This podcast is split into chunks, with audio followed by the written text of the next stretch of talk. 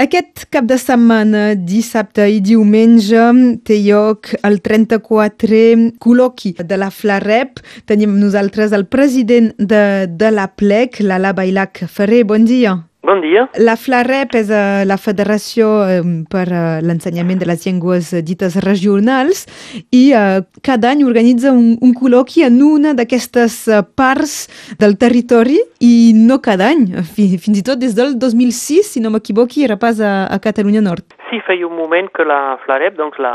Fédération pour les langues régionales dans l'enseignement public, que reuneix doncs, associacions de pares, d'ensenyants o generalistes d'una mica totes les llengües de, de l'Estat.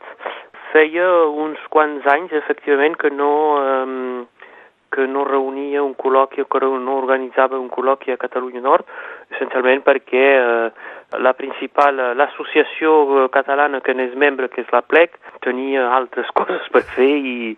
però hem eh, pensat que aquest 2020 eh, podia ser eh, un bon moment per organitzar doncs, sempre conjuntament l'associació local i la federació una trobada a, a Perpinyà perquè és un moment de fer un balanç i sobretot perquè coincideix amb més o menys un any d'actuació eh, de posada en funcionament d'una oficina pública de la llengua catalana i per tant eh, això motiva que reflexionem tots junts sobre què tenim fins ara per l'ensenyament del català i l'ensenyament bilingüe en català i què volem, cap a on volem anar i eh, què podem fer en els anys a venir. La FLAREP permet, eh, d'alguna manera també, eh, suposo, mirar, diagnosticar el que, el que tenen els altres, el, el, el que es té a la pròpia llengua i, i fer demandes eh, per anar tots cap amunt. Sí, sí, la, la, la, és una estructura efectivament que, que reuneix doncs, unes, eh, una representació, podríem dir, a través de les associacions de um, totes les llengües, doncs hi ha el, el basc, el bretó, l'occità, l'alsacià, el, el uh, flamenc, el franco-provençal, el català, el crioll uh, reunionès, uh, també tenim contacte amb uh, Guadalupe i Guyana per el crioll i per altres llengües. Per tant, permet d'anar uh, amb una sola veu, que no és mai una sola veu perquè som, som plurals i som diversos, però d'anar junts eh, a fer d'interlocutor del Ministeri sobre totes les qüestions que tenen a veure amb l'ensenyament de totes les nostres llengües, mm, que sigui com a llengua, com a assignatura o com a, eh, com, com a vehicle d'ensenyament per l'ensenyament bilingüe. L'altre interès, l'objectiu de la federació és d'intercanviar eh, diagnòstics i eh, d'ajuntar eh, eh, diguem, dinàmiques eh, per poder eh, tirar endavant, desenvolupar al màxim les eines d'ensenyament, essencialment en el públic, però eh, no, no, no priva que, evidentment, hi hagin eh, sinergies, com es diu, eh, amb entitats que ensenyen en el, en el privat, però en tot cas nosaltres actuem en el públic i l'idea és d'arribar a desenvolupar el màxim possible l'ensenyament bilingüe en prioritat i eh, d'iniciació eh, també a totes les eh, regions on hi ha eh, una llengua dita pròpia eh,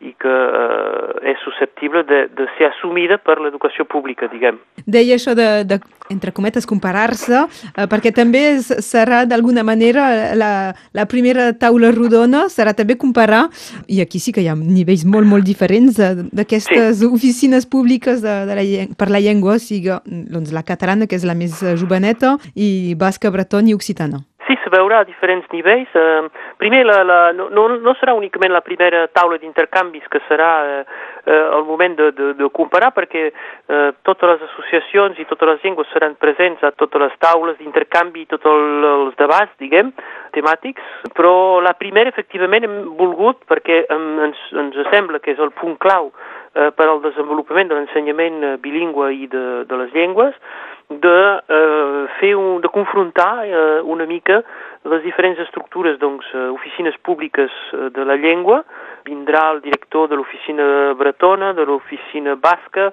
de l'oficina occitana i doncs hi haurà el, el director de l'oficina catalana, perquè són les, eh, les entitats que són d'una certa manera, el punt de trobada de totes les administracions, incloent doncs, les de l'Estat, que són les més importants perquè són competents en, en educació, eh, i que són, eh, tenen la, la, la missió i, i tenen la, la capacitat perquè tothom és entorn de la mateixa taula, d'organitzar, de pilotar, d'incentivar el desenvolupament de l'ensenyament bilingüe i, i de la llengua. I per tant és, és interessant, primer que les diferents oficines eh, ens vinguin a mostrar com funcionen i quina és la seva experiència i també veure que en un any que, quina feina s'ha fet, eh, perquè s'ha fet feina en un any a, a, a l'OPLC, a l'oficina catalana, eh, i veurem tot al llarg del, del col·loqui aquesta, aquests nivells diferents de desenvolupament de l'ensenyament de les llengües. Eh, estem eh, acabant de fer els darrers eh, panells eh, d'uns quants eh, eh, cartells que tindrem per una mini exposició on justament posarem eh, han eh, acostat en paral·lel les diferents zones lingüístiques amb l'estat de l'ensenyament. I és un dels punts que volem intentar de desenvolupar al si de la FRAEP, de confrontar més les dades i tenir més precisió eh, pel que fa a a situació precisa, diguem, de l'ensenyament bilingüe i de les llengües, cosa que actualment no, no, no, no tenim pas completament del tot precís. Tenim algunes avaluacions que al País Basc n'estan a la meitat dels alumnes, que eh, a Còrsega n'estan eh, cap a 40% de, de, dels alumnes, bé, però nosaltres 9% dels alumnes en bilingüe i immersiu, però no tenim prou precisió i és un dels reptes, diguem, dels anys a venir, a part de, de fer un pas significatiu per mm, realment eh, progressar en l'ensenyament bilingüe en el públic, que és la manera, eh, no en veiem d'altres, eh, de contribuir a salvar el català. Aquest eh, dissabte 17 d'octubre, eh, les diferents taules rodones, l'obertura d'aquest col·loqui de la Flarep tindran lloc a l'Universitat de, de Perpinyà. El diumenge serà un punt sobre la situació de cada llengua, en aquest cas a la Casa de, de la Catalanitat, al centre de, de Perpinyà. A la Bailac sabem que aquest 2020 és especial per moltes coses, també per les condicions d'acollida acollida de la gent que podria ser Clar. interessada. Sí, perquè el, el col·loqui sempre de la Flaret, sempre, i fa 34 anys que se fa, és l'ocasió de mobilitzar, de reunir el, sempre el màxim de pares, d'estudiants, de, de professors eh, de totes les regions i de, especialment de la regió on se fa el col·loqui.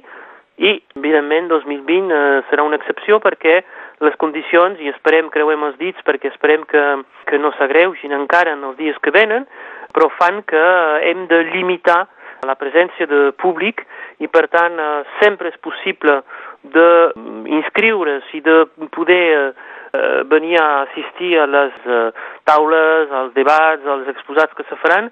però la, la inscripció formal és obligatòria. Aneu al,